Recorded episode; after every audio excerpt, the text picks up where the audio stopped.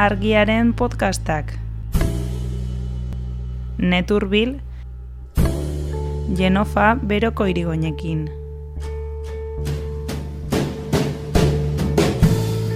Denek badakigu Frontexek eh, kanporak eta ilegalak egiten dituela, denek dakigu Frontexek giza eskubideak urratzen dituela, bainan ez da sekulan eh, gai hori johatu numait justiziaren eh, ahlotik. Orduan eh, bi paper gabe horiek bizitutakoa Ba, ikertuko da, Frontexeko agenteak bortizki inguratu, lapurtu, baitu eta atxilotu zituztela. Taldean behitz itxasora bota, solako motorerik gabeko itxasuntzi tipi batean, hori da haiek bizitu duten trauma.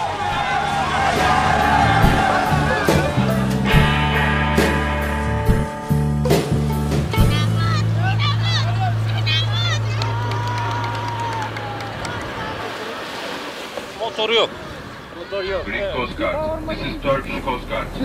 You are now pushing back the migrants to Turkish territorial waters. all of us are too much afraid because two men have uh, hit all of us with their stick. They are wearing black mask on, on their faces.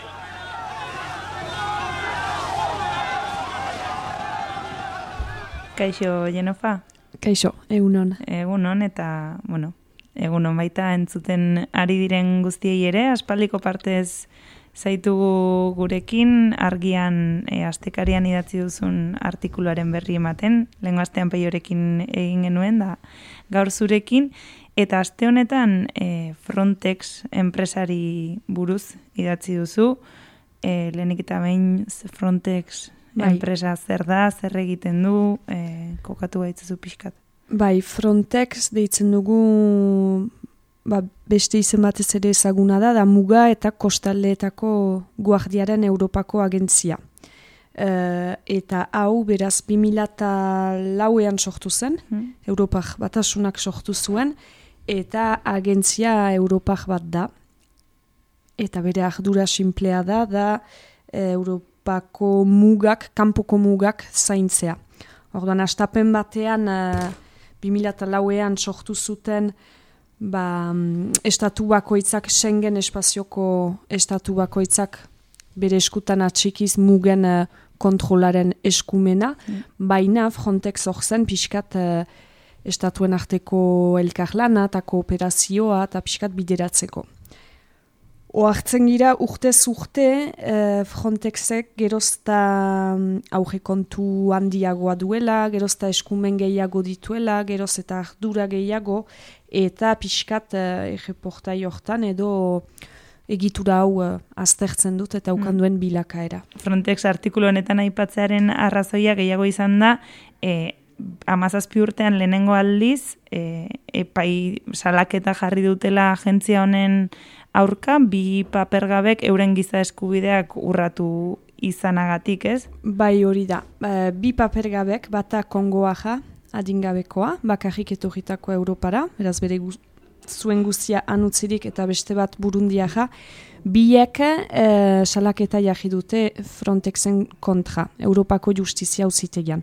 Eta hori biziki garrantzitsua da, zeren ejan duzun bezala lehen aldikotz auziperatua izanen da Frontex, eta bestetik eh, egia da nunbait denek badakigula Frontex nola ari den eh, lanean, janai baditugu irudiak, fe, janai denek ikusitugu irudi batzuk uh, baola, kanporak eta ilegal batzuenak, nola agente horiek erabilitako bortizkeria ere etortzen saiatzen ziren etorkinei begira, eta test, lekukotasunak ere ez ditugu eskas, badira milaka eta milaka, eh, hor behiki, elkarte batek liburu beltza edo atera du. Eh, orotara bederatziun bat pusbak edo kanporaketa eh, zerrendatzen dituzte, eh, fen kanporaketa edo orokorkiago joera ilegal, eh, mila bosteun horriko dokumentu bat da, amairu mila pertsonen eh, testigantzak badira bahnean, egan nahi,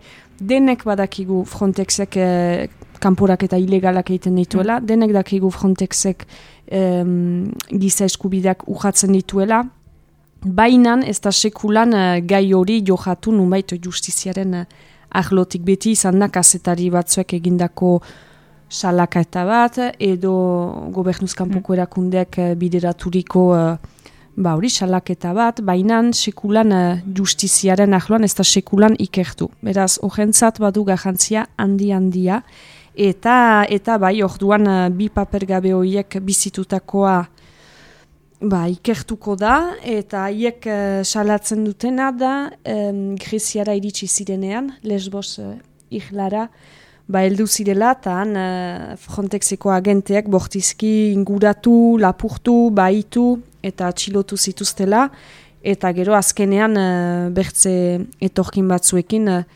taldean behitzi itxasora bota, solako motorerik gabeko itxasuntzi tipi batean, uri gabe, jatekorik gabe, eta pixkat hori da haiek bizitu duten trauma eta bizipen hori ikertuko da beraz mm. Europako justizia uzitegian. Mm. Eta epaiketa hau e, jarri dute gobernuzkanpoko erakundek eta bestelako erakunde batzuk lagunduta, babestuta ez, e, nahiko epaitegira nahiko babestuta doazela esan daiteke, ez da izango kasualitate, amazazpi urtean lehenengo aldiz epaitegira iristea ere, mm -hmm. ez, horlako mm -hmm. kasuan milaka gertatuko bai. ziren. E, zer ikusi handia du babes horrek edo gobernuz kanpoko erakundeen papel honek? Bai, noski, bo, deia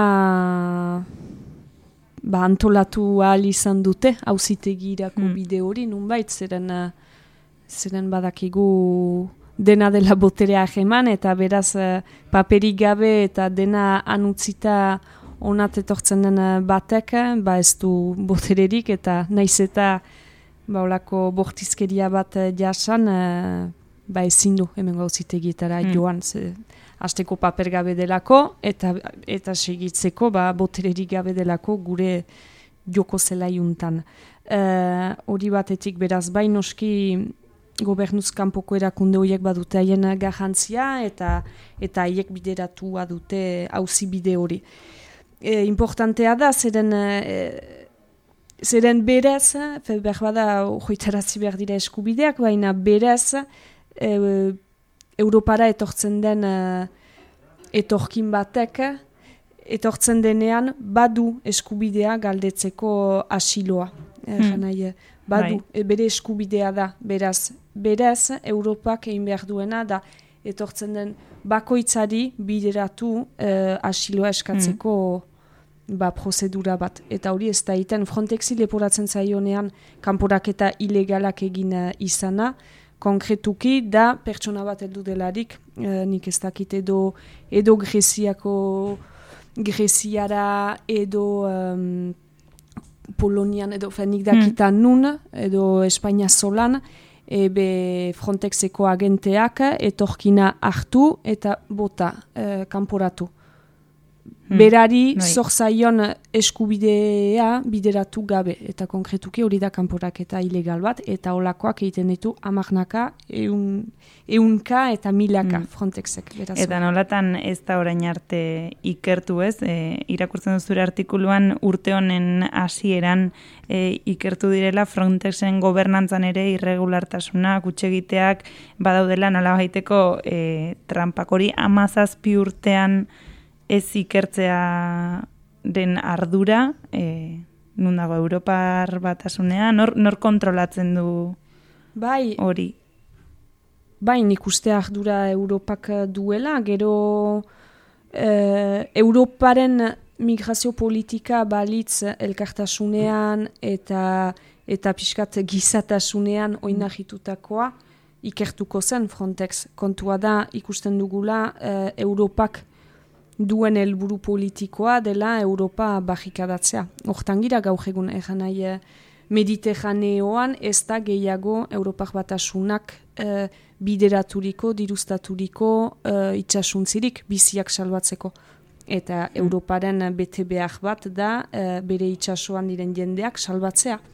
Baina ez duiten, eta, mm. eta beraz gobernuz kanpoko erakunde batzuk ari dira hortan, Uh, baina uh, gobe estatuek usten baldin badituzte, egan nahi uh, hitz egiten denean uh, SOS Mediterrane edo gisaujetako gobernuzkanpoko erakundeekin, etengabean salatzen dute ze presio, ze uh, oztopo dituzten bidean.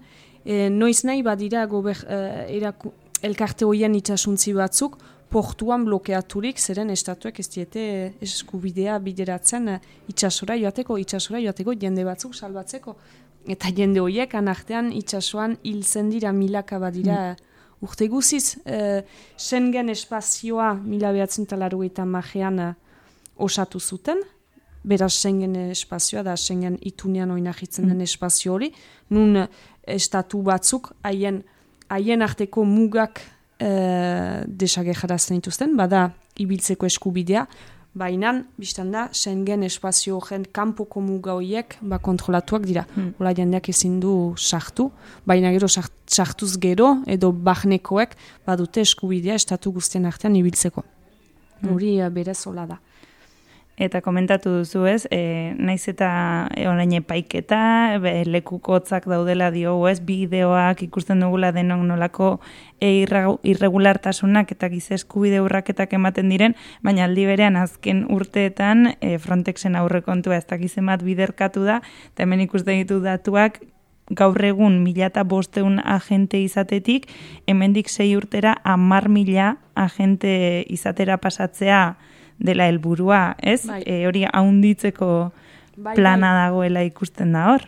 Bai, bai, erabat, e, Europaren politika, migrazio politikaren zat, Europaren zat, Frontex da, tresnarik eraginko jena, garrantzitsuena eta sustengatu beharreko egitura. E, eta aurre kontua ipatu duzu, en uste, sifrak e, plazaratu behar dira, zeren, zeren ahigarria dira. 2006an emeretzi milioi eurokoa zuen auge kontua, mm. Frontexek.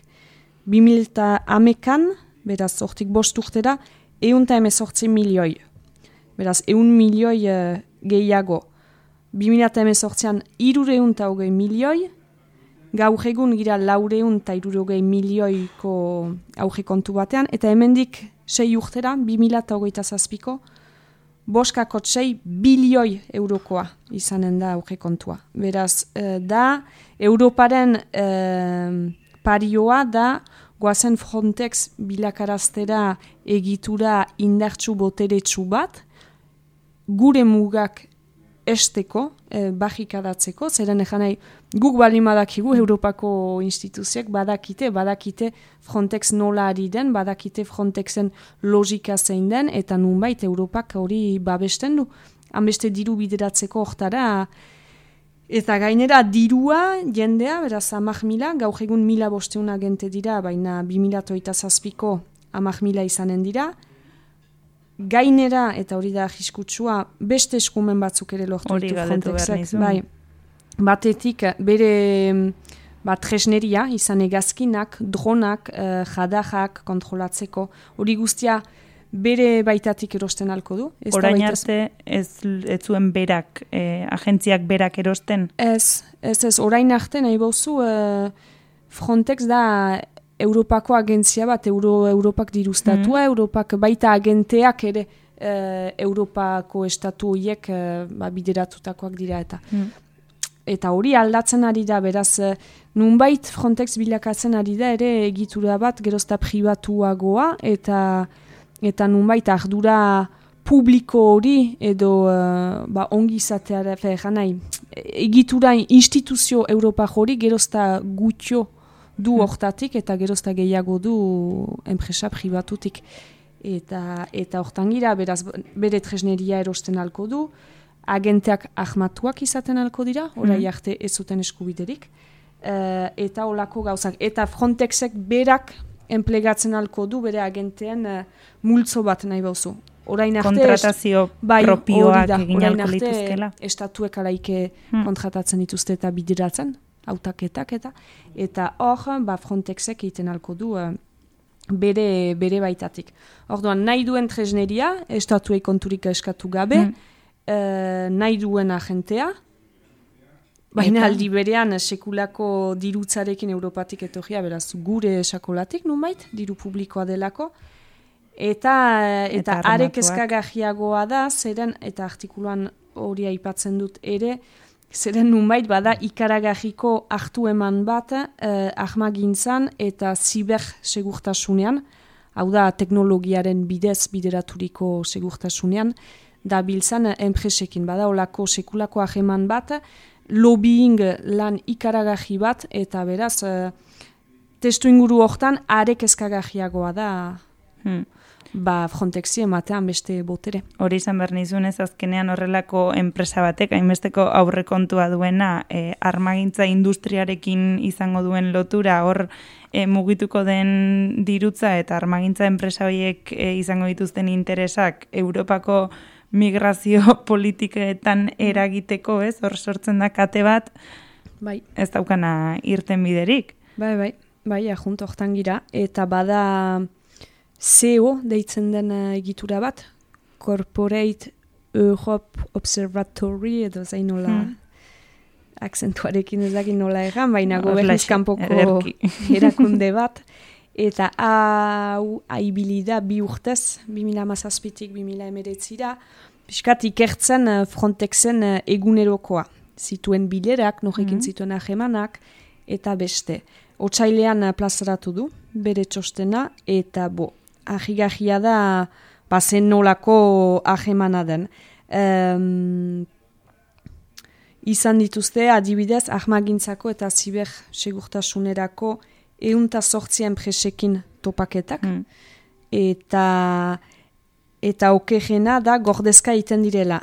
E, txostenean irakurri daiteke lobiekilako ahemanen euneko irurogeita amabia ez dela deklaratua izan e, Europor batasunaren e, gardentasunerako egegistroan Mm. edo. Bai. Beraz, e, beraz hortan gira, eta bilkura horietan zer aipatzen da, ba, bilkura horietan aipatzen da zainketarako tresneria, e, dronak, kamarak, robotak, e, egan nahi, Frontexek edo lobbyingo, lobby horiek mugak e, robotekin zaintzea pentsatzen dute, egan nahi, hori e, realitate helburu bat dute ere, beraz, eh, gizatasunan unden hor, egan nahi, robot Bai, ez. batek behar balimadu gelditu eh, Europara sartzen saiatzen den bat, bo, pixkat ikusten da. Osea, momentu honetan legearen zenbat, eh, barruan ez leudeken gauzak. Ez, hori da nahi bauzu. Legez Bai, bai, bai. kanpoko gauza liratekenak edo Ez, hori metodoak, da, ez? eta gaur egun guk gure jendarterako zegia da datu biometrikoekin eta gure jendartean efe, gure egunerokoan ere ari direla olako teknologiak sartzen, mm. aurpegi ezagupena kamaren bidez, eta eta egia da, ala ere jendea mugitzen dela horren kontra, jendeak eskatua dela, ze ikusten du bere bizi pribatua edo bere askatasunak zalantzan ikusten ditu. Uh, bainan, biztan da, hor, ba, ezkiren ez zuzenean unkiak eta eta ba, etorkinen, etorkinak direlako lehen lehoan, bo jende ez da hanbeste mugitzen biztan da, eta, Mm. eta ez da baitez bada, jakina zen olako kontrola nahi den muga horietan. Azkenean, ez, e, aipatzen duzu beste artikulu batean kontatzen duena, eta hitz egiten ari garen guztionen ideologia e, are zabalagoa da nola baitez, aipatzen da beldurraren kanpaina, edo nola lobby hauek e, etorkinak ikusten dituzten kudeatu beharreko objektu bezala, eta horrekin, ez, jendartean zabaltzen badute ideia hori, ba, ba orduan Onartzen da. matematikoki onartzen da, ez, hor dagoela Bai. alako kate edo ideologia bat ari dela zabaltzen, eta hor, ba, lobien lana eta interesak e, nabarmena dira. Bai, bai, biztan da, dena den guk gurean, e, fe, gaur egun testu inguruan, 2000 bat azgeroztik ikusi dugu, nola sekuritatearen izenean, eh, ba, gehiengoa presden eh, bere askatasunaren eta bizi pribatuaren zati bat galtzeeko. Hmm. Beraz, eh, beraz segur, haien iztegiarekin eta haien iruditegiari segi etorkin bat da ahisku bat, da mehatxu bat, da terrorista bat. Beraz, bai, biztan da, jendeak onartzen duela, nunbait, hola, Hmm. mugak hola istea, bai, bai. Eta, eta, eta biztan da, bilkura horietan, eta txosten hortan hori ageri da, ez da bat ere aipatzen, giza eskubideen kontua ez da Hmm. aipatzen, askatasun pribatuena ez da aipatzen, eta orduan eh, batzuk, alaike, beldurtuta dira, eta justuki urtahilean, jendarte zibileko irurogeita bat egiturek zuten gutuna bidali Europako batzajari, eh, galdetuz, mugen eta migrazioen kontrolerako teknologia automatizatuen erabilpenari buruzko geldialdi bat edo Hmm. moratorio bat. Eta hori eh, ikertu bitartean, eta bai estatu bitartean, ba, giza eskubideak eta giza askatasunak ez direla zango, zango pilatuak, baina bitartean ez badakigu hori, ba, gelditzea ezin, dela, ezin direla erabili, hola, holako tresneria ba, teknologikoak eta beraz inhumanoak. Mm. E, artikuluaren amaieran aipatzen duzu, Europako kontu auzitegia berak ere ekainaren zazpian esan zuela Frontex ez dela e, eraginkorra gaur egun, baina hor jarraitzen du, berdin jarraitzen du, eta komentatu dugu aurrekontua handitzeko interesekin, eta ez dela eraginkorra bai, baina adibidez ez dira aipatzen horrek eragindako hildakoak, edo mugetan gertatzen diren aipatu ditugun urrak eta horiek, ez? Piskat ematen du kontra esankorra Bai, hone bai. guztiak. Bai, bo gero hiek dira, fenda Europako kontu auzitegia, beraz eh, begiratzen du, egitura horrek begiratzen du zenbakiai, eta beraz hanbeste diru bideratzea, eta gero ikustea laike hanbeste etorkin sartzen dela, haien ikuspegitek hainbeste, eh, komiekin biztan da. Ba, jentzat ez da eraginkorra, eh, hanbeste dire, diru bideratu, hanbeste tresneria, eta alaike ez geldiaraztea etorkin guztiak, ba, jentzat, eh, numai bai da... Osea, eraginkortasuna ulertzeko ere... eh, Haien ikuspegitik, haien- biztan da, ezkirari, ezkirari giza eskubideen ikuspegitik, eta eta haien datuetan ez dituzte mediterranean hil diren eh, gorpuak kontatzen, kontatzen dituzte muga zeharkatzen lortutena. Ordan hori da, hori da, eta alde hortatik haien ikuspegitik behitz ere ez da eraginkoja. Uh, interesgarria da, zenen behintzat autokritikatik aitortzen dute, um, ba azken finean eh, eskumen anitz bideratu zaiela, agente hoiei, eskumen hainitz, eta gainera, ba, ez dela hola baitez bada kontrolik edo balorapenik eh, Mm. egin. Beraz, bon, autokritika hortatik intesgarria da, zeren egia da, ba, Frontex behar dela bilakatu egitura bat eh, kontrolatua dena, baloratua dena, eta, eta sustut, uh, Eta nahi ezin duena bide hortatik segitu. Eta gaur egun bada gerozta gehiago elkarte antolatzen ari dena, galdetzeko Frontex desagertzea simplekife. Ez da ere ege formatzea, desagertzea, zeren, zeren hanbeste argi gelitzen ari da giza eskubideak ez dituela errespetatzen eta jendeari dela botatzen itxasora. Eh, ba, Bueno, ba, ba mentxe utziko dugu, benetan e, interesgarria, kontatu diguzun guztia, gogoratuko dugu irakurri nahi duenak ere artikulu aste honetako e, aldizkarian duela, eta web horrian ere egongo da, bere lotura eta bere kontu guztiekin, eta hori, eskerrik asko jenofa, eta hemendik bi astera gehiago. bai, mil esker. Agur. Aio.